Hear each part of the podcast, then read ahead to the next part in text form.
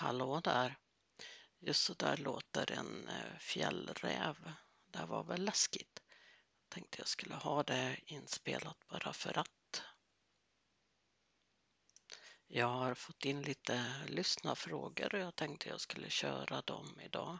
Så det blir ett väldigt kort avsnitt men eh, tror att det kan vara intressant. Eh, första frågan är hur jag ser på livet efter döden. Ja, jag tror ju inte att det är slut när det är slut, utan det fortsätter på ett eller annat vis. En del blir återfödda och jag tror också att vi väljer vad vi vill återfödas till. Som att vi väljer våra föräldrar i det livet som vi kommer till för att um, man kan behöva lära sig en hel del och då kanske man väljer sina föräldrar för det. Så det är alltså inte de som har valt oss utan vi kommer ner när vi vill och till det vi vill. Och sen kan det ju vara prövningar på det hela. Det är inte så konstigt. Eh, men eh, absolut att det fortsätter och eh, det har ju jag bevis på i alla fall att man kan prata med de som har gått över och de kan prata med mig och de kan ställa till en hel del väsen också om de vill det. Och ehm, ja, så jag ser inte svart på det utan eh, ibland så möter jag folk som säger liksom någonting att den och den dog nyss och sånt där och då säger man ju beklagar men ibland så tänker jag men grattis då får du chans att göra om på ett annat sätt och kanske göra rätt eventuellt. Eh, så att, att jag föddes in i en jättestor familj tror jag att det är ett val från min sida eller min själs sida.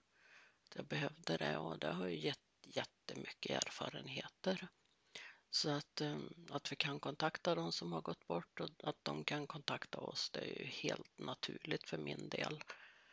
Och det är inte slut när det är slut som sagt, utan det fortsätter på ett eller annat vis som sagt.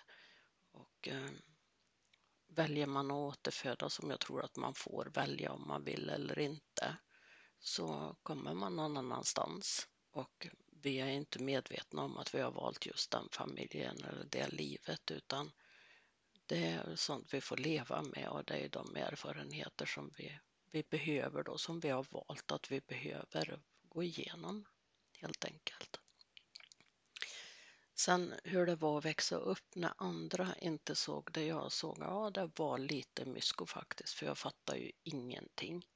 Och som jag sagt i några tidigare avsnitt att jag har upp till vuxen ålder varit sjukt mörkrädd. Och jag såg dem och jag nästan skrek till dem att kom för fan inte hit för jag vill inte ha er. Eh, så att på något vis stängde jag väl mig själv på grund av rädsla. Och allra värst var det när min pappa dog när jag var 20 år. Jag hade nyss fått barn och han var ett år. Eller 21 år var jag och mitt barn var ett år. Och det sög ju verkligen. I och för sig så sa han att när jag talade om att de skulle bli mormor och morfar igen för hundraelfte gången så sa pappa, hm, barn ska ha barn. Och så var det ju egentligen.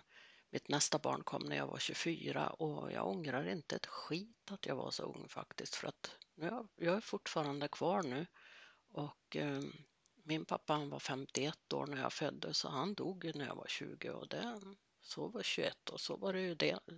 I den åldern så är det inte rätt att förlora sina föräldrar. Men han var gammal och sjuk och försvann liksom och hade gjort sitt i livet. Nu har vi en jättebra kontakt så att eh, jag uppskattar ju verkligen det. Så att växa upp eh, som seende, klarseende och klarhörande, det var inte lätt alltså eftersom jag inte hade någon att prata med heller. Jag hade min tant Hanna som hon berättade ju saker för mig, men jag var ju så himla liten så, jag, så hon får fortsätta att berätta nu när hon inte lever längre och eh, så att vi har också jättebra kontakt och hon är den som river i när det händer mig grejer som är orättvisa helt enkelt. Så ger hon mig kraft och säger att Berkele, som hon sa. Um, och um, det har hjälpt mig helt otroligt mycket faktiskt. sen jag kom på att jag kunde prata med henne och jag vet andra medium har sagt att du har en gammal dam som står intill dig, en liten satt, ganska tjock eh, dam, lagom tjock. Ehm, och hon är jättearg för det som har gjorts mot dig och nu vet jag ju vem det är för jag trodde det var min mormor för de hade ungefär samma kroppsstorlek fast jag aldrig träffade min mormor. Hon dog när hon var 54 år.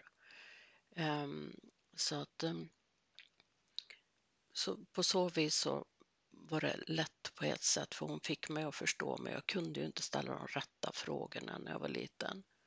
Och sen när jag blev vuxen så ville jag typ liksom bara gifta mig och skaffa barn för att eh, det hade jag ju sett mina föräldrar gjorde så. Men som tur var så stoppade jag vid två och det är alldeles tillräckligt. Eh, så nu har jag åtta barnbarn på köpet istället och det är ju sketakul och det är roligt att kunna vara med dem och fortfarande ha sinnet i behåll får jag väl säga. Och vara lite barnslig och lite löjlig och sånt där. Så att eh, nu är det jättebra med min familj. Om jag har gömt mig då på grund av fördomar, ja, det har jag gjort i vuxen ålder då för att det har ju inte varit riktigt legitimt att vara sån som jag är. Så att, eh, det är ju aldrig legitimt att vara som man är, så att det är ju, men det här är ju lite speciellt då. Och folk hajar ju till fortfarande, men nu är ju upplysningens tid liksom så att många har ju lärt sig hur det funkar. Och eh, de kan se upp till en, de kan också bli skiträdda för en också och jag kan ta till lite hårt ibland när jag tycker att det behövs. Så att eh, det är klart att jag har eh, gömt mig på grund av fördomar, absolut. Och sen när jag var liten så mina föräldrar liksom sa ju bara att jag fantiserade och då trodde jag ju faktiskt att jag fantiserade. Jag trodde ju jag var inte riktigt klok i huvudet. Eh, nu fattar jag att jag är inte klok i huvudet, men jag är ju synsk liksom. Ehm, och ehm, hur det började i vuxen ålder var mycket med sanddrömmar och det var riktigt skrämmande faktiskt. Och jag kunde se liksom om mina ungar skulle ut och cykla i shorts och t-shirt eller utan t-shirt också, bara shorts. Och hjälm på sig hade de, armskydd och allt möjligt men eh, jag kunde ju se liksom och tänka så här att bara han inte far omkull med cykeln och tro på sjutton att han får omkull med cykeln i, på grusvägen och det var ingen vacker syn och det var min lilla skit som gjorde detta. Och den store kom han har ramlat uppe vid kurvan och jag tog ju bilen och åkte ut och höll på att köra ner sambons motorcykel och allt möjligt. Ja, och upp och slängde in cykeln i bagaget och ungen upp, in i bilen och in då. Där fick jag ju plåstra kan jag säga och tvätta grus och allt möjligt. Och nu vet jag ju senare att sådana grejer, det var ju inte livsfarligt för honom men jag vet ju senare att jag kan lägga ljus på grejer som jag ser i framtiden, liksom att de, det kommer att hända och är det mina nära så lägger jag ju ljus på det. Om jag är orolig för någon, de är ute och kör bil och ute och reser i arbetet så lägger jag ljus på dem och ibland pratar med dem i telefonen och så säger jag du ska se upp lite för att eh, det är odjur, ja det kan komma ett vildsvin där liksom. Det är inte alltid det händer för att det kan också vara en välsignelse, välsignelse att jag uppmärksammar föraren på vad som händer det är fram där eller vid sidan eller så. och själv har jag aldrig tagit trä råkat ut för något sånt. Jag har kört av vägen men då har jag också burit mig illa åt när det har varit halt väglag. Ehm, jag kan känna när polisen är på gång så jag lättar lite på gasen. Jag kan ehm, be om parkeringsplatser och säga att nu behöver jag en och vips så finns det faktiskt en. Fast jag förbereder långt i förväg att ge mig nu för fan en parkeringsplats liksom. Och då finns det en där. Så att eh, det finns både för och nackdelar med den här gåvan kan jag säga. Ehm, man vill ju inte gärna ha allt det här och eh, folk som har gått bort, nära vänner och sånt där som, jag, som har vetat att de är sjuka och frågar kommer jag klara det här och första två gångerna så sa jag till den här tjejen då att ja, du kommer att klara det, du blir frisk och liksom så här. Sen ringde hon tredje gången och då så sa jag till henne att nej, tyvärr att du kommer inte att klara det här. Hon sa jag visste att jag skulle ringa till dig för jag behöver faktiskt veta det här. Då vet jag vad jag ska förbereda och sånt innan jag blir alltför sjuk. Och, eh, hon är också väldigt mycket med mig. Jag känner jag ryser nu så hon är med mig här också. Erika, älskade vän. Och eh, ja, så ligger det till. Jag vet inte om det är så mycket mer jag kan berätta. Jag har redan tjötat i tio minuter så jag sätter igång och avslutar det här och som vanligt. Tro inte på allt jäkelskap du säger till dig själv för du är mycket, mycket bättre än så. Hej då!